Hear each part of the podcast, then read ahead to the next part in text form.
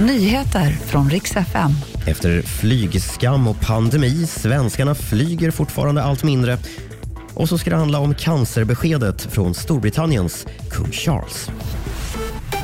God morgon. Vi ska börja i Strängnäs där en explosion inträffade i ett bostadsområde i natt. Ett stort område har spärrats av och boende har också evakuerats. Vad för något som har smält det vet man ännu inte och det finns inga uppgifter om att någon person har kommit till skada. Så ska jag berätta att svenskarna flyger allt mindre. Jämfört med 2017, året när flyget pikade, så har antalet landningar på svenska flygplatser minskat med 31 procent. Och det totala antalet passagerare var nästan en fjärdedel lägre förra året. Det här visar siffror från statliga Swedavia.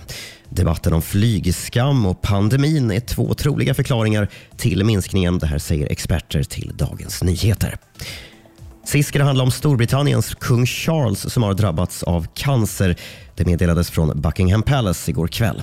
Charles opererades ju nyligen för förstorad prostata och det var i samband med den sjukhusvistelsen som man också upptäckte en annan slags cancer. Han har påbörjat behandling omedelbart och ställer in sina offentliga uppdrag under tiden, rapporterar BBC. Och enligt brittiska medier bestämde sig också prins Harry för att resa hem till London från USA redan idag för att träffa sin pappa. Och Det var de senaste nyheterna. Jag heter Robin Kalmegård.